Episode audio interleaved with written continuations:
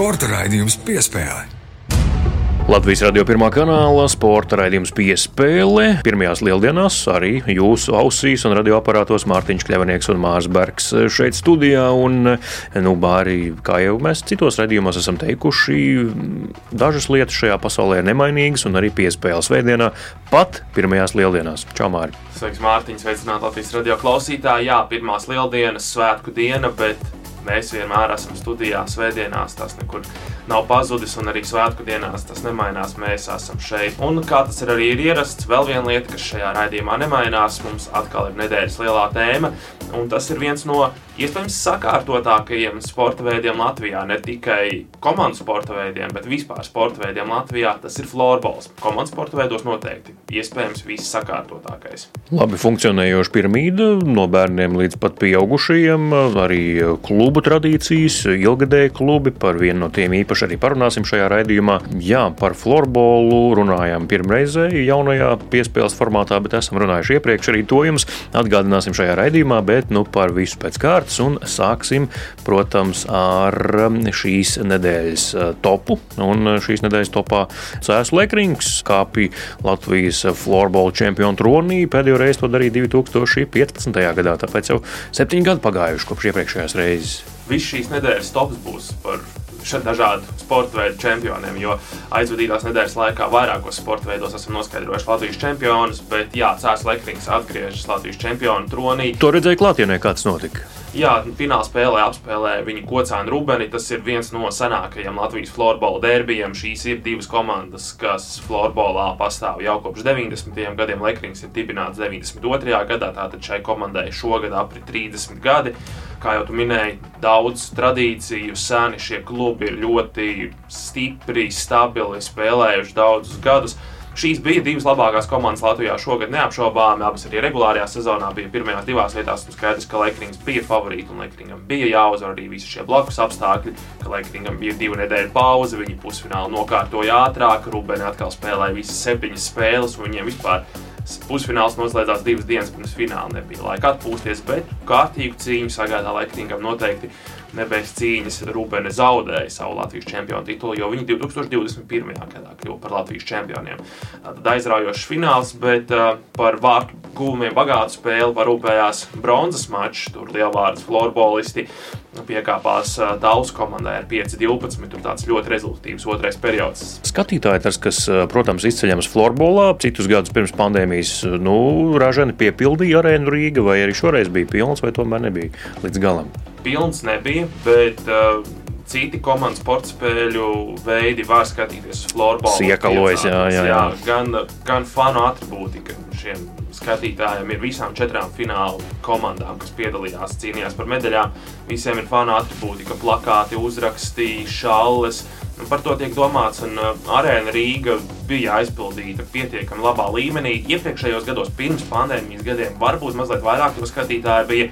Atceramies, vēl 2016. gadā pasaules čempionātā uz pirmo spēli pret Zviedriju atnāca vairāk kā 9000 skatītāju. Līdz ar to šī spēle ir populāra, skatītāji nāk un varētu teikt, viens no vislabāk apmeklētajiem pasākumiem arēnā Rīga pēdējo divu ar pusgadu laikā. Nu, vienīgais, kas var konkurēt, ir pagājušā gada um, vasaras beigās notikusi olimpiskā kvalifikācija hokeja izlasē.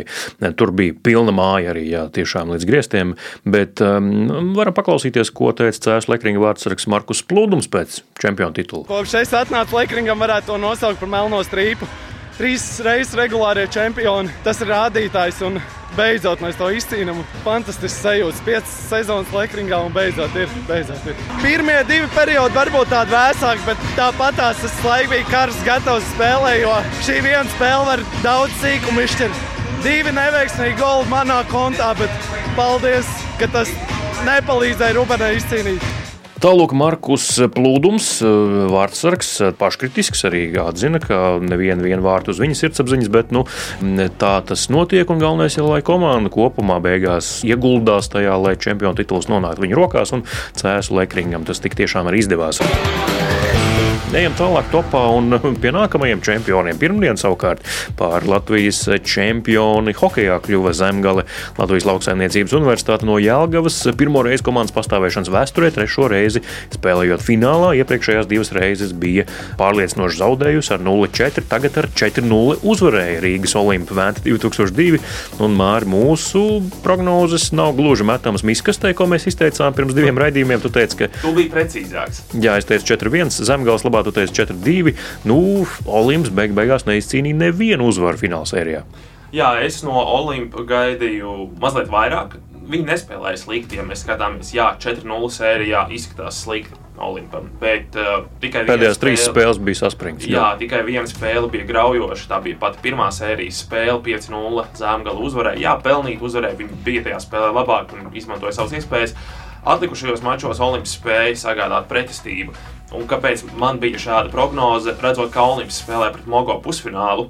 Tomēr likās, ka viņi spējas pretoties daudz vairāk zemgālē. Jā, Mogo bija tās sērijas favorīti, un arī kā Gatis Sprūks pēc vienas no pusfināla sērijas spēlēm teica, visi mūs ir norakstījuši. Bet, nu, jā, nu Zemgala, protams, pilnīgi pelnīta čempioni šajā gadā viņi bija labākā komanda, un uh, viņiem droši vien arī bija jāuzvar. Ja, ja fināls būtu Zemgala Mogo, tad tur būtu atkal mazliet citādāks hokejs, varbūt ne tik fizisks, tas hokejs būtu vairāk uz meistarību, uz ātrumu balstīts, jo Mogo ir krietni slidojošāka komanda, krietni varbūt arī spēlētājiem tā meistarība ir individuāli augstāka nekā Olimpija hokeistiem, bet ne ļoti. Kā redzam, Olimps tāda kārtīga darba komanda, spēka spēle un arī ar mazliet stipru valodu vienā no spēlēm. Arī televīzijas tiešraidē varējām dzirdēt hokeja darba leksiku. Sveiciens Kristiānam Zeltam ja, no Olimpa komandas, bet Olimpa vecākā komanda čempionātā savukārt Zemgale viena no jaunākajām vidējas vecums ap 21 gadu. Skaidrs, ka hokeja skola Rīgā ārpus konkurences, kur spēlēja U18 izlases um, kandidāti un arī vēl jaunāki hokeisti, bet sabalansēta tātad komanda ir pirmā mājiņa, pieredzējusi ar Robertu Kīmu, Arturu Rozoliņu, nu tur Edgars Kulda. Šad tad kopā ar viņiem spēlēja citreiz kāds cits, bet uh, pieredze ar jaunību, to sakausējot kopā ar tābo vadībā. Jelgavu. Viņa pēdējos gados bija pieskaitām pie šīm top 4 komandām, un vienīgā, kas nebija uzvarējusi. Nu, Tāpat laikā, kā treneris, es arī nebiju uzvarējis, lai arī es tikai otru gadu strādāju Latvijas čempionātā. Bet, nu, prieks un, prieks un gods to, ka mums tas izdevās izdarīt kopā.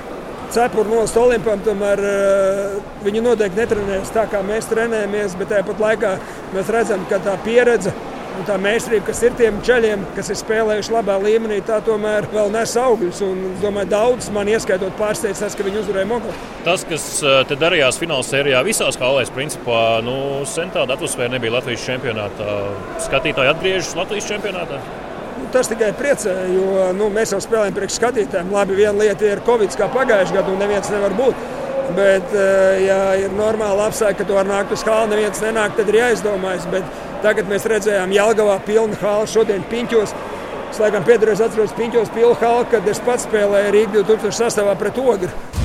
Skatīsimies, eh, kā zemgālē veiksies nākamā sezona, cik eh, daudzus no šīs sastāvā izdosies saglabāt. Jo, kā zināms, konkurence visā Eiropā un tirgu ir mainījusies līdz ar mm, KHL lielo vārtu aizvēršanos. Eh, protams, ja grib spēlētājs turien var braukt, bet es domāju, ka neviens izņemot Krievijas un Baltkrievijas hokeistus, varbūt Kazakus to neizvēlēsies darīt. Tāpēc droši Eiropā labāk, ja Krievi arī droši vien mēģinās tikt no turienes prom. Jā, ļoti iespējams, un tāpēc Eiropā būs milzīga konkurence un daudz vairāk spēlētāji konkurēs uz uh, apmēram to pašu vietu skaitu komandās. Tāpēc daudziem latviešiem droši vien būs jāatgriežas mājās un, un jāspēlē arī Latvijas čempionātā, kas savukārt audzēs tā līmeni. Dodamies tālāk, un uh, par čempioniem droši vien arī turpināsim, jo Latvijas-Igaunijas līgā basketbolā arī čempioni noteikti. Un beidzot, beidzot, trešajā fināla turnīrā un ar ceturto piegājienu līgā VFam, VF Rīga izdevās tikt pie Latvijas-Igaunijas līgas lielā kausa, pārspējot uh, pārsteidzošo sezonas debitantu, pirmo reizi uh, spēlējošo gan Igaunijas virslīgā, gan arī Latvijas-Igaunijas čempionātā Hābnēmes Vīmsī komanda Ronalds Zaķis sastāvā. Vīmsī komanda, jā, debitanti no vienas puses puses, taču šai komandai ir iespaidīgs budžets. Tas jau tika runāts pirms sezonas. Tā komandai ir nauda. Viņi salasīja labus spēlētājus. Tas pats Zaķis, atzīts spēlētājs, ir pierādījis sev arī citu vietu, ir uzspēlējis. Līdz ar to arī viņam, protams, ir jāmaksā pieklājīga alga, un tur arī citi leģionāri ir.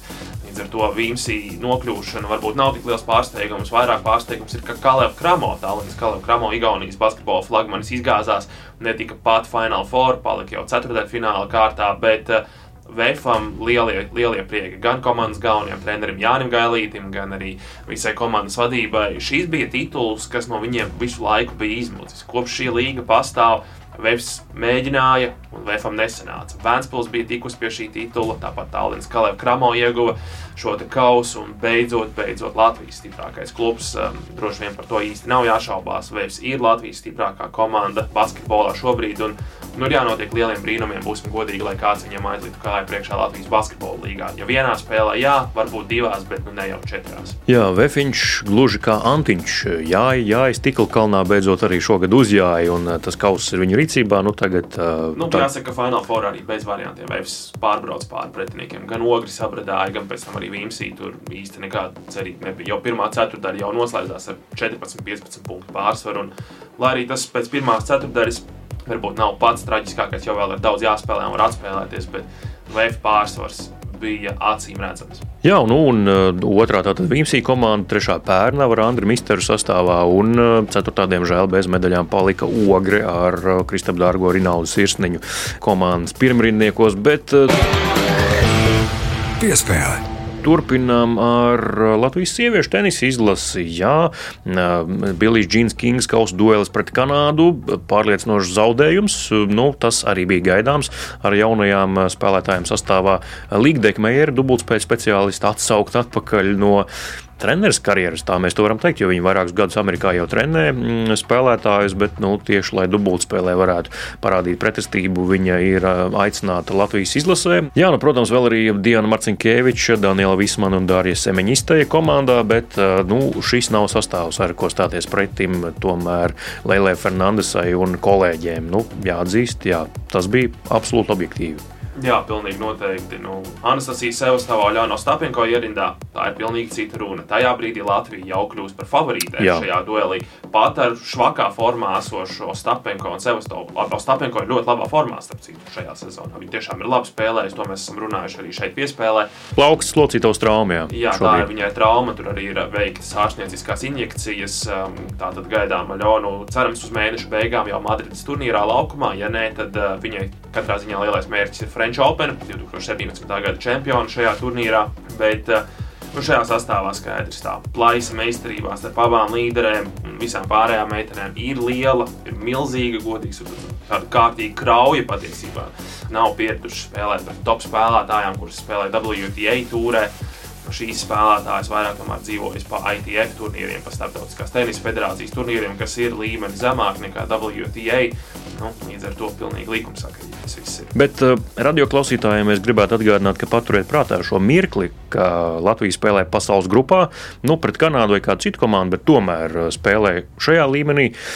Iespējams, ka kas to lai zina, ja Anastasija Sevastova neatgriežas uh, profesionālajā tenisā, mums ir jāiztiek tikai ar Aļonu Stapenko. Dažādi var būt, komanda var nokrist arī zemāk un varbūt tik ātri nemaz nepienāk laiki, kad Latvija atkal atgriežas šajā konkrētajā līmenī. Jā, es tieši gribēju teikt, ka Ļonai vienai pašai noturēt Latviju šajā līmenī būs ārkārtīgi sarežģīti. Viņai ir nepieciešama vēl viena spēcīga spēlētāja blakus. Vai tā būtu laba vienspēļu spēlētāja vai laba dubultspēļu spēlētāja, lai varētu uzvarēt dubultspēli, bet viņai ir vajadzīga vēl viena spēlētāja blakus. Un Godīgi sakot, Kanāda tieši šajā kārtā Latvijai bija izcila izloze. Ja tur mēs paskatāmies, var nākt pretī Austrālija, Čehija, tā pati Krievija. Labi, pirms kara vēl ja tā varēja gadīties, ka jāspēlē pret Krieviju. Šīs visas valstis, arī ASV, ir krietni, krietni spēcīgākas sieviešu tenisā nekā ir Kanāda. Līdz ar to, ja Latvija būtu labākajā sastāvā, tad būtu daudz lielākas izredzes. Diemžēl, diemžēl traumas gan Anastasijai Sevastovai, gan Aļonai Ostapenko liedz. Un, uh, Nu, tagad ir jācer, ka uz playoff kārtu par palikšanu šajā līmenī, pasaules grupā, Ļaunā Stapenko varēs spēlēt, tur pretinieces būs nedaudz vājākas, bet tik un tā arī šādā sastāvā tur Latvijas izlasē būs ļoti, ļoti smagi. Un topu noslēdzam ar nu, tādu netik nopietnu, varbūt um, faktu apkopojumu. Vai zināt, kas ir Kristens Rode? Nu, tādu sportistu Latvijā zinat, Kristians Rode. Rode noteikti saistās ar futbolu. Renārs Rode, tāds futbolists bijušais, eh, ir Latvijā tagad treneris, bet eh, Kristians Putins varbūt arī tādu sportistu. Zinat, vai nezināt? Jā, un, tas ir tāds dzirdētāks jau. Jā, un skaļš virsraksts daudzos medijos šonadēļ Putins nomainīs uzvārdu. Ne tas, ko jūs domājat. Godīgi sakot, es arī pirmajā brīdī padomāju, kas pie vēlna. Jā, par to Putinu droši vien mēs gaidām citādi rakstura ziņas. To mēs vēl gaidām, bet Kristians Putins, bijušais kamīņbraucējs Latvijā, divnieku braucējs kopā ar Imantu Marcinkieviču, viņš lielāko daļu karjeras aizvadīja, nu jau divas sezonas nebrauc.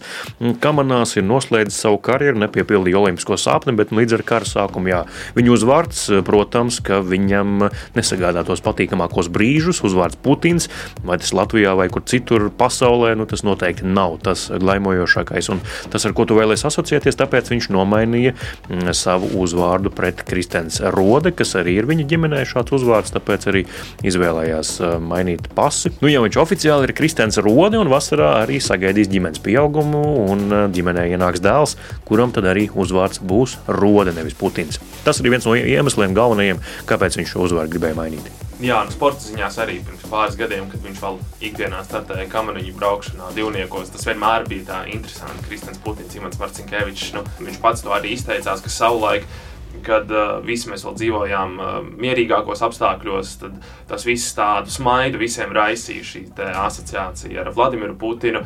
Šobrīd tas nevienam nekādu smaidu vairāk neizraisa, ne viņam pašam, ne arī citiem. Līdz ar to saprotams lēmums, diezgan saprotams lēmums. Jā, un kamanās eh, vēl viens jaunums. Andris Šits ir kļuvis par Startautiskās eh, kamanu sporta federācijas eh, mākslīgās ledus trases tehnisko direktoru. Garš amats, ļoti sarežģīti izklausās. Jā, viņš pats Latvijas radio skaidroja, ka tas ir tāds kā tehniskais noteikumu uzraugs sacensību laikā visās mākslīgā ledus trasēs, kur notiek pasaules kausa, Eiropas čempionāts. Tā nav mākslīgā trase. Nu, jautājums, jā, laikam nē, bet kas to lai zina.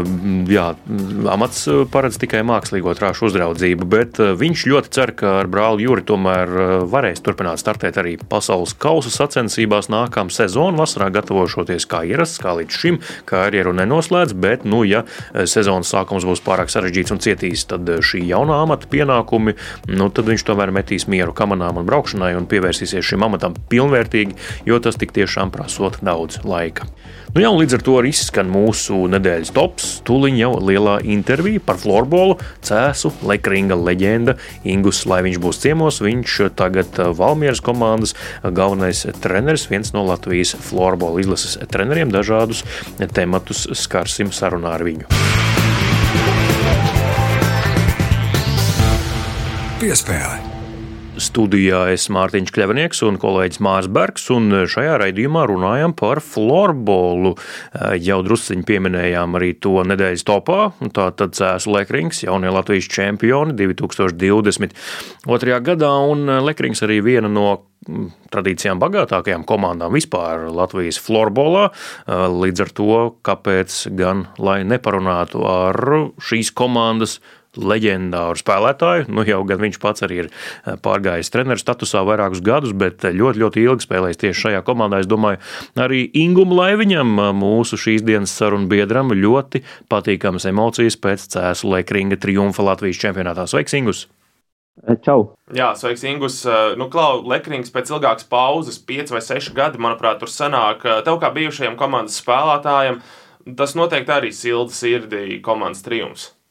Protams, ar eh, lielāko daļu no šiem puišiem esam kopā pavadījuši laiku arī laukumā. Un, un, eh, mēs jau te vairāk savā starpā smējāmies, ka mums ir kaut kādi tādi cilvēki, kuriem ir 26 gadi šobrīd, bet jau 13 virslīgas sezonas. Ja tāda jau pieredze tā kā veterāniem bez mazai. Un, uh, patīkami redzēt, kad ir cīņu biedri ir spējuši atkal sasniegt virsotnes un, un uzvarējuši čempionātā. Kaut gan jau vairākus gadus uz to gājuši, bet kaut kas ir visu laiku pamaisījis. Bet, eh, protams, jā, Cēsis ir pilsēta, kur es dzīvoju un ar ko man saistās visu dzīvi. Līdz ar to vienmēr patīkami, ka savēji uzvar. Nu, droši vien tas arī apliecina Lekringa piramīdas produktivitāti un to, ka tā strādā. Jo, nu, kā jau tu minēji, daudz no šiem puišiem agri sākuši spēlēt virslīgas komandā, tā tad nākuši no pašu sistēmas apcirkņiem, un tagad arī daudz turklāt no Lekringa audzēkņiem arī ārzemēs spēlē un labi spēlē.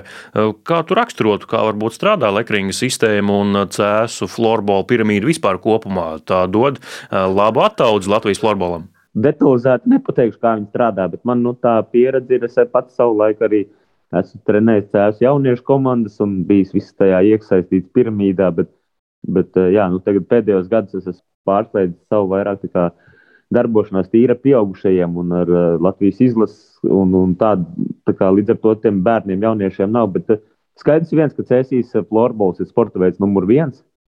Tur nav neviens cits, kas var pārspēt to. Līdz ar to mums nāk tas labākais produkts, ko vispār var dabūt no bērniem. Visi grib spēlēt florbolu un nāk uz turieni. Un, nu, tālāk jau tikai treneru darbs, cik daudz no viņiem dabū ārā un kāds ir tas gala materiāls. Jā, finālā tikās divi no Latvijas senākajiem klubiem, Lekrings un arī Kocāna Rubene, arī viens no senākajiem klubiem Latvijā. Fināls, tavuprāt, attaisnojusi sevi liktās cerības, šis mačs, kvalitāte, ažiotāža ap to vismaz šajās konkrētajās pilsētās? Jā, man jāsaka tā, es biju gaidījis pārliecināšāku uzvaru no Lekringa puses, jo daudzi apstākļi bija runāja viņiem par labu ja mēs skatāmies arī tieši briedumu, komandas un meistarības kaut kādus papīra līmeni, tad viņi šobrīd ir noteikti labākā komanda Latvijā. Par to pat nu, īsti grūti diskutēt. Ir. Eh, Rūbenē ir jauns, talantīgs sastāvs, kuriem varbūt mazāka playoff pieredze, bet viņiem bija arī septiņu spēļu sērija pusfinālā, trešdien bija pēdējā spēle. Tik maz laika vispārējais. Jāsaka, tā, ka es, es patīkami pārsteigts, cik labi viņi savācās un, un spēja šo spēli padarīt interesantu. Manuprāt, tur bija jābūt līdzīgam scenārijam, kā tas bija pa trešo vietu ar Lielvārdi, kad bija līdz pusspēlē bija intriga, bija viss, bet beigās pietrūka emocijas un spēka Lielvārdē, lai viņi novadītu spēli līdz galam. Un likās, ka arī fināls varētu būt kaut kas līdzīgs, jo Lekrings ir atpūties Bet Rubēna Malačs tādā ziņā, ka spēja padarīt to finālu interesantāku. Jā, nu, nav noslēpums, un arī šī superfināla norise pierādīja to, kas jau ir ļoti sen zināms par to, ka floorbola Latvijā mīl un komandām ir uzticama līdzutēju tā bāze un arī, un arī kopiena. Mm, arēna bija diezgan piepildīta. Kā tu novērtētu atbalsta līmeni arēnā Rīga visām četrām komandām superfinālā? Nu, es teiktu, maksimums no minimuma. Es vienmēr uz šo jautājumu skatos stipri, stipri savādāk. Man liekas, ka ir iespējami strādājot eh, nedaudz ar mārketingu, strādājot nedaudz eh, virzienā uz attīstību. Ir iespējams vienmēr dabūt vairāk publiku. Bet, eh, teiksim tā, nu šobrīd tas Covid situācija vēl nav aiz kalniem. Ja? Līdz ar to tas arī noteikti ietekmē, jo vispār, ja skatāmies globāli, apmeklētība florbolā ir kritusies salīdzinoši ar divu gadījumu pirms tam. Droši vien šajā jautājumā vairāk var darīt gan pašas komandas, gan arī Florbola savienība pie tā var vairāk piestrādāt. Jā, tur ir visiem, visiem darbs kopā jāieliek, un, bet jābūt vienotībai. Bet, eh, ja katrs taisa savu saucamo postu, un katrs taisa savu kaut kādu neitrālam cilvēkam, man liekas, skatoties tādu, viņš nevar noķert, ja viņš nezina, kas ir lekrings. Lekings pēkšņi sāk veidot kādu postu, viņš pat nesaprot, par ko runa ir.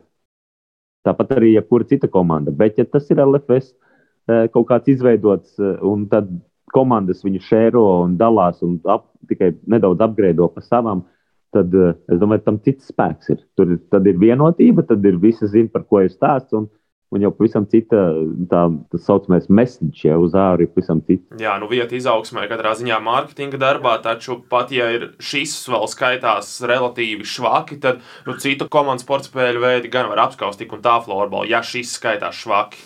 Es teiktu, ka jā, jo mums ir piemēri Čehija, man liekas, ka ir labākais piemērs šobrīd vispār, e, kuri caur grūtībām, jāsaka, tā, mēs esam viņiem lauzuši celmus. E, savā 2017. gadā mēs viņus apspēlējām ceturdaļu finālā, un viņiem tas nepatika. Un, uh, no tā laika viņi ir mainījuši visu savu vispār floorbola politiku. Viņi ir to, uz ko liekas, mums jāskatās. Ja mēs nevaram skatīties Zviedriju, Somiju, tad Čehija mums tiešām ir tāds lielais brālis, uz ko mēs varētu skatīties un mācīties. Nekas pat jauns nav jāizdomā. Un viņi eh, šo dažu la gadu laikā, tur 3, 4, ir nomainījuši visu, visu, visu sistēmu visu gan ar uh, video pārēdēm, gan ar attīstību, gan ar jauniešu visām vietām. Un, un šobrīd jaunieši divus gadus pēc kārtas ir čempionu tituls e, pasaulē. Līdz ar to e, viņi parādīja to, ka ar nelielām piepūlēm mainot visu pārējo, tad uh, viņi var no 4. vietas jauniešos kļūt par čempionu divus gadus pēc kārtas. Ingus, kā tu teiktu, ja tev vajadzētu pavērtēt, kur sakņojas tā florbola pareizā darba pozicionēšana, varbūt gan līdzutēju sakarā piesaistot klubiem tos, gan arī kopumā darbs um, jaunatnes sistēmā ar, ar jauniešiem, bērniem un pēc tam arī profesionāļiem. Kopumā tā florbola piramīda Latvijā, kur ir tas veiksmes stāsts, jo, kā jau Mārsta pieminēja, daudzi komandas sporta spēļu veidi Latvijā tiešām apskauž jūs par faniem tribīnēs, par sakārtoto sistēmu, kas dod rezultātu, kur ir tās panākuma atslēgas. Daudzi to raksturo kā lokālu patriotismu, ka, piemēram, skatītāji nāk tāpēc, ka komandām ir tradīcijas un grib atbalstīt vietējos, savējos. Nu, citos sporta veidos tā nav. Tā šobrīd ir, kad uh, tas viss balstās tikai uz patriotismu. Un tas ir tas, kas mums traucē aizlikt vienu soli tālāk, kā pieņemsim, eh, to dara izdarīt Čehi šobrīd. Un, un viņi arī bija trešajā vietā pasaules čempionātā. Es, manās acīs viņi ir nākamie čempioni divu gadu laikā, vai kur, jo tas viss ir sakārtots. Un, un viņi nomainīja šo patriotismu. Tas patriotisms ir laba lieta. Ir uh, Rūbenes, pieņemsim, piemērs, tur ir ļoti liels patriotisms. Tas pat cēsīs bet uz to ilgtermiņā nu, nevar balstīties. Nu, tas kaut kādā brīdī ir, jā, svarīgos mačos tas viss notiek, bet, lai spērtu soli uz priekšu, nu, jākļūst par pusprofesionāļiem. Nu, tas ir tāds, varbūt ne, ne naudas izteiksmē, bet tas uh, treniņa apstākļi jau šobrīd visiem vairāk vai mazāk ir tādi, ka viņi trenējās vairāk nekā amatieri, bet uh, nesaņem par to atalgojumu, tāpēc mēs saucam tā sevi pusprofesionāla statusā. Bet kopumā ir lai to soli spērtu uz priekšu, ir jābūt, ir, eh, man liekas, ka ir no otras puses ir nedaudz eh, visām jau iepriekš minētām reklāmām, mažiotāžām, mārketingam. Ja? Nu, tas neko neprasa daudz. Ir vienkārši cilvēks, speciālists, kas ar to darbojās, kurš māca eh, tās lietas pasniegt, kurš māca uzrunāt tautu un ievilkt iekšā neitrālo skatītāju. Mums šobrīd nav neitrālo skatītāju. Mums ir tikai iesaistītās ģimenes, patrioti, un tuvākie cilvēki florbolam ir tas, kas mums ir. Līdz ar to mums grūti ir uh, kaut kur augt, jo, jo finanses nāk tikai no patriotisma, no savējiem, no tuvākiem, no pašvaldības, lai spērtu nākamo soli, jābūt sponsoriem. Un tie sponsori ir, man liekas, uz vienas rokas pirkstiem saskaitām. Tautā florbols ir populārs. Jāsaka, tā arī vasarā viss kaut kur turnīri notiek, un, bet uh, tas jāpaņem. To jāmāk paņemt, tas ir uh, jāiedod kā produkts un viņš jāpārdod. Un, un šis mums šobrīd pietrūkst. Jā, Ingu sarunas otrajā daļā pievēršamies uh, Latvijas florbola izlasēji, toreiz viens no treneriem šajā komandā. Un, nu, šogad tu minēji par tiem pieciem mēnešiem, kas virslīgas spēlētājiem ir atpūta, bet tie, kur būs izlasētiem, atpūsties laikam vispār nesanāk šogad, jo nu, pasaules čempionāta kvalifikācija, pasaules spēles, pēc tam arī pats pasaules čempionāts. Uh, kā jūs to visu salāgosiet, kāds šobrīd ir darba plāns valsts vienībai? Ar valsts vienību ir tā, ka eh, mums ir kvalifikācija māja beigās. Valmjerā šobrīd plānojās treniņu nometni no aprīļa beigām līdz māja sākumam. Ir četru dienu garumā Valmjerā arī tiem spēlētājiem atpūta nav, bet, eh, manuprāt, tā vajadzētu būt visiem. Nu, arī tiem, kuri nav iekļuvuši izlases sastāvā šobrīd lai sevi parādītu un uzturētu labā formā, nu, viņiem ir jādarbojas. Mēs nevaram tagad sēdēt divānā, gaidīt, kad eh, pats no sevis viss iznāks. Līdz ar to tie, kas ir uz izlasi uzaicināti, viņi ir šī redzes lokā, bet ir arī pārējie spēlētāji, kuriem mēs sekojam, kuri varbūt vēl šobrīd nav parādījuši savu labāko sniegumu, tikai iet uz to mēs vienmēr esam gatavi uzņemt kādu jaunu. Jā, un, un šobrīd ir tāda nometne aprīļa beigās, un, un māja beigās mums ir eh, kvalifikācijas turnīrs par iekļūšanu pasaules čempionātā, kas notiks uh, decembrī Šveicē. Jā, nu tev kā izlases trenerim noteikti priecē tas fakts, ka 19, 20 gadus veci puiši jau ir uh, vadošajās lomās, vadošajās komandās. Īpaši tas attiecas uz Rūpeni un Talsiem, kur tiešām 2001, 2, 3 gads spēlē un spēlē līderu lomas jau. Tā mēs cieši strādājam ar Latvijas junior izlases treneru. Mēs uh, ik pa laikam runājam, un viņš uh, jau izgājis cauri šiem spēlētājiem un, un dod kaut kādas savas atsauksmes par katru no viņiem. Jāsaka, tā jaunieši vienmēr ir labākie tādi, uz ko skatīties, jo viņu meistarība un viss ir iet pāri pārējiem, un tās emocijas arī bieži vien ir augstākas nekā varbūt jau tādam nobriedušam spēlētājam. Bet vienīgā problēma, man liekas, kad jauniešiem ir tas, ka tu no viņa to stabilo sniegumu nevari sagaidīt. Viņam ir uh, tādā līmenī, kur viņš var izpausties, viņš vienmēr ir labs. Bet, tā, kad mēs runājam piemēram, par jau kādu top 4 komandām, tad tajā brīdī bieži vien tās sliktās uh, vēlmes uz viņiem nepiepildās. Jo jo viņš vēl nav nobriedis emocionāli, varbūt to savu sniegumu arī pierādīt pret spēcīgāku pretinieku. Kaut gan viņš mēģina to sevī ielikt, bet tas neizdodas. Mēs laikam mēģinām jauniešus arī papildināt lielā izlasē ar domu, lai nav tā kā mums bija 2016. gada čempionāts Rīgā, kad uh, nonākam līdz tam brīdim, kad uh, lielākā komandas daļa jau ir tādi, kas liks punktu Latvijas izlasē, bet uh, īsti nav jauno, ko ņemt komandā. Un tas solis, man liekas, bija ļoti liels. Pēc tam uz 18. gadu vispār nomainīt izlases kodolu. Un šobrīd arī Somu, Somijas treneru uzstādījums ir tas, ka mums ir katru gadu vismaz viens vai divi jaunieši jāiesaista. Jā, pastāsti lūdzu klausītājiem, kas īsti ir pasaules spēles un kāpēc Latvijas florbola izlasē ir svarīgi tur būt. Pasaules spēles ir eh, neolimpisko sporta veidu olimpiāde. Pirmās durvis uz, eh, uz florbola iekļaušanu olimpiādē, par ko runas ir bijušas jau, nu jau teikšu, desmit gadus. Eh, globāli visi jautājumi ir atrisinājušies no pasaules olimpisko spēļu rīkotāju puses. Visi uzstādījumi šobrīd, kas ir jābūt, kam jāiet cauri, lai vispār noņemtu, pieņemtu lēmumu, ka viņas tur varētu nonākt floorbols, ir izpildīti. Starptautiskā federācija ir izdarījusi, man liekas, nu jau kādi divi vai trīs gadi atpakaļ. Un tad pasaules spēles ir tās nākamās durvis. Tur notiekot spēlēm, vērtē kaut kādu grupu eksperti, vai šis sporta veids ir jāiekļauj Olimpijādē vai nav ja mēs būsim turklāt, būsim spējīgi parādīt, ka mēs varam konkurēt ar tām top valstīm. Un eh, tas, man liekas, ir lielākais arguments šobrīd, kāpēc neņem floorbola olimpiādē, kad eh, tā atšķirība starp top 4 un vispārējo pasauli ir pārāk liela. Un, uh, mums varbūt ir iespēja parādīt, ka mēs esam top 5 komanda izteikta. Un ka mēs varam to top 4 arī pamocīt, kaut kur aizķerties un, un varbūt kādu pārsteigumu uztaisīt. Un tas ir kas pietrūkst šobrīd Olimpisko spēļu uzņemšanas eh, fāzē, ja Olimpiskam sporta veidam vismaz sešām komandām jābūt tajā intrigā iesaistītajām. Jā, nu Latvijas izlase pēdējo desmit gadu laikā ir pierādījusi, ka arī tiem dūžiem var iekrū, iekost. Tiem pašiem čehiem divas reizes ir izdevies iekost un viņus pārspēt.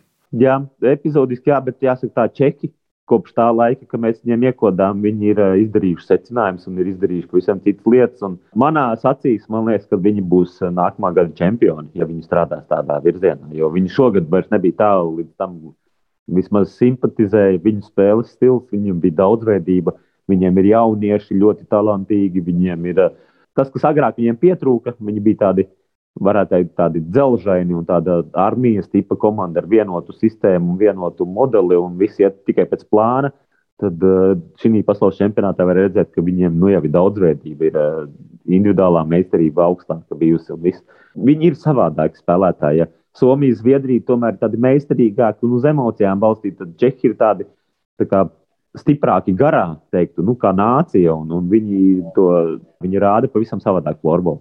Jā, tā tad eh, šī ļoti atbildīga vasara tieši Latvijas florbola izlasēju. Acīm redzot, jums, jā, no jums būs daudz atkarīgs arī izšķirot to florbolam būt vai nebūt Olimpiskajās spēlēs. Tā kā vēlam izdošanos, lai izdodas labi parādīt eh, sevi kā komandu pasaules spēlēs, tad, protams, arī gada beigās pasaules čempionātā. Nu, beidzot, beidzot jālauž ir tas lāsts un jātiek pāri tam piecinieku barjerai un jāiekļūst vismaz četrniekā. Jā, paldies, Ingus, tev par sarunu. Jā, atbildīga vasara tik tiešām jums priekšā daudz darba, vēlēsim izdošanos un veiksmi šajā, šajos trīs turnīros gada turpinājumā. Paldies, jā, veiksmi noteikti noderēs, jo puišiem es zinu, ka viņi darīs darbu, lai būtu labākajā formā, bet, eh, lai aizsniegtu to top 4 kāroto visu laiku, nedaudz kaut kas ir pietrūcis. Un, eh, veiksmi noteikti viena no tām lietām.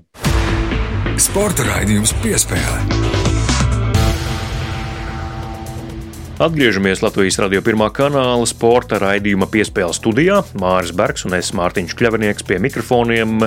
Šis parasti ir laiks, kad skan rubrika Kas lācītim vēderā ar Reini Grunspēņķi, bet šoreiz būs citādi, jo nu, grūti ir ieklausīties florbola aizkulisēs brīdī, kad ir tik ļoti atbildīgi sezonas brīži, īpaši superfināls. Māris, es zinu, ka tu mēģināji pielaust dažu labu florbola treneri, lai viņš mums arī varbūt atklāja, kādu aizkulisku gabaliņu, bet nu, viņiem taču laikam šķita pārāk nu, atbildīgs brīdis, kad rādīt. Ja? Jā, pilnīgi pareizi. Sāki, es aprunājos ar visu četru komandu treneriem. Nu, Tāls komandai ir spēlējošais treneris Arts Raitums, Latvijas izlases arī kapteinis. Nu, skaidrs, ka viņam mēs mikrofonu piestiprināt laukumā nevarētu pārāk apgrūtinoši gan viņam, gan arī risks salauzt tehniku. Gal tas būtu interesanti. Tas būtu interesanti, jā, bet pārējo trīs komandu treneri katrā ziņā viņi bija priecīgi par šādu ideju, ka mēs gribam parādīt. Un, uh, kā tas viss izklausās, bet, jā, kā tu saki, superfināls tā ir liela atbildība pašiem. Visi vēlas izcīnīt šīs godalgas. Treneris saka, varbūt regulārajā sezonā. Noteikti mēģināsim vēlreiz. Jā. Tas paliek vēlreiz. ideju kaudzītē un tālu nav nolikts, bet vēstures stūrīts atgriežas un par florbolu. Un šoreiz esam izdrakuši no aputējušiem plauktiem kādu senu Māra Berga interviju. Māra, tu atceries vispār, kad tu biji tik jauns un zaļš vēl rāģiņā? Jā, es atceros. Tas, manuprāt, 2018. gada sākums. Tajā pašā dienā arī Jānis Čipuri intervēja bobsleju. Treneri arī komentētāji bijušo bobsleju olimpisko čempionu arī atceramies. Bet runa ir par Latvijas šī gada čempioniem Cēlus Lekringu. Jā, tajā pašā dienā, kā Jānis Čipurs arī dzīvo Cēlus apvidū, un tajā pašā vakarā es devos arī pie Ārta Malkava, pie viena no Cēlus Lekringa ilgadējiem spēlētājiem, arī pie viena tagadējā komandas trenera. Šobrīd viņš ir mazliet pagājis malā no galvenā trenera amata, viņš ir viens no palīgiem. Bet tik un tā, tobrīd Cēlus Leknings svinēja 25 gadu jubileju. Komandai bija liels svinības, arī pasākums. Sabrauca vecie spēlētāji, kuri kādreiz ir spēlējuši komandā. Šogad Lekningam ir apaļāka jubileja. 30. Arī to varēs aplaistīt ar kārtīgu devu šampāniešu, ar lielo smago Latvijas čempionu kausu.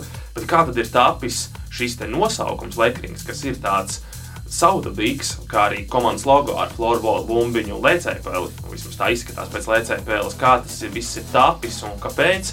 To Ārtis Malkovs pastāstīja pirms vairākiem gadiem. Vēstures stūrītis. Lekrings sākās no hokeja bāzes. Bērnu sporta jauniešu centrā bija hokeja pulciņš, treneris Gins Bikers, Ivars Martinsons un mēs spēlējām hokeju. Bet uh, vasarā spēlējām hokeja bumbiņu. Un tad no sadraudzības pilsētas Zviedrijā atnāca pirmās nūjas, un tad tā lēnām, lēnām zālē pārgājām no bendija bumbiņas uz florbola bumbiņu un no hokeja nojām uz bendija nojām. Tā arī tā kā lēnām uz to florbola aizgāja tas viss. Komandai ļoti interesants un neierasts nosaukums Lekrings un arī logo redzama pele. Kāpēc tā? Kur no kurienes šāds nosaukums un kāpēc tāds logo? Nosaukums Lekrings ir saistīts ar vienu no pirmsācējiem Bikargintu. Tā ir viņa bērnības iesauka. Lekrings, tā viņa tēvs ir uh, iesaucis. Tāpēc arī mums pirmā komanda minīja turnīrs. Mums bija 3 pret 3 Saulrītas sporta halē. Komandā bija es, Ivars Mācens un uh, Bikars Gins. Un mūsu pirmā komanda bija Lekrings. Un tā arī par cik mēs bijām tie virzītāji, tad uh, arī Lekrings. Bet pašu to lēcēju peli mēs atradām vēlāk. Atradām kaut kādā vēstures grāmatā latīņa burtiem lauku lēcēju peli un bildīt smuku un bija Lekrings izlasāms. Un tā mēs piezīmējām peli arī un tā lēnām, lēnām viņu adaptējām mūsdienām. Latvijas radio pirmā kanāla sporta raidījums piespēle studijā Māris Bergs un es Mārtiņš Kļavinieks. Līdz ar to arī izskan šīs uh, svētdienas pirmo lieldienu raidījums. Paldies, ka klausījāties. Uh, veltījām to florbolam un es domāju pamatot, jo tā tad Latvijas vīru virslīgas um, superfināls noslēdzies cēsu. Lekrings kļūs par čempioniem pēc septiņu gadu pārtraukuma. Astotais tituls Lekringam. Un tagad arī zināt, kāpēc Lekringu sauc par Lekringu. Ar to arī izskan šīs nedēļas raidījums jau gadu gatavojamies mēs ar tevi, Mārtiņ, nākamās nedēļas raidījumam. Mēs jau varam pateikt, ka motori rūpīgi smaržos pēc, eh, pēc benzīna, pēc četvertu benzīna. Tie, kas ir klausījušies ilgstoši mūsu sporta ziņas, ir īpaši manas sporta ziņas, zinās, par ko ir runa. Paskatieties kalendāros, viss jums taps skaidrs. Jā, jā. 23. un 24. aprīlis. Par to runāsim jau pēc nedēļas. Jā, lai jums veiksmi olu kaujās, nepārēdieties, lai varat atgriezties darbā jau otrdien, un tad arī tiekamies jau nākamā svētdiena un nākamā svētdiena. Arī pēdējā svētdiena šajā mēnesī, tāpēc arī Gunārs Jākapsons būs šeit pie Latvijas radio mikrofona ar savu rubriku ciemos pie Gunāra Jākapsona. Tiekamies jau pēc nedēļas.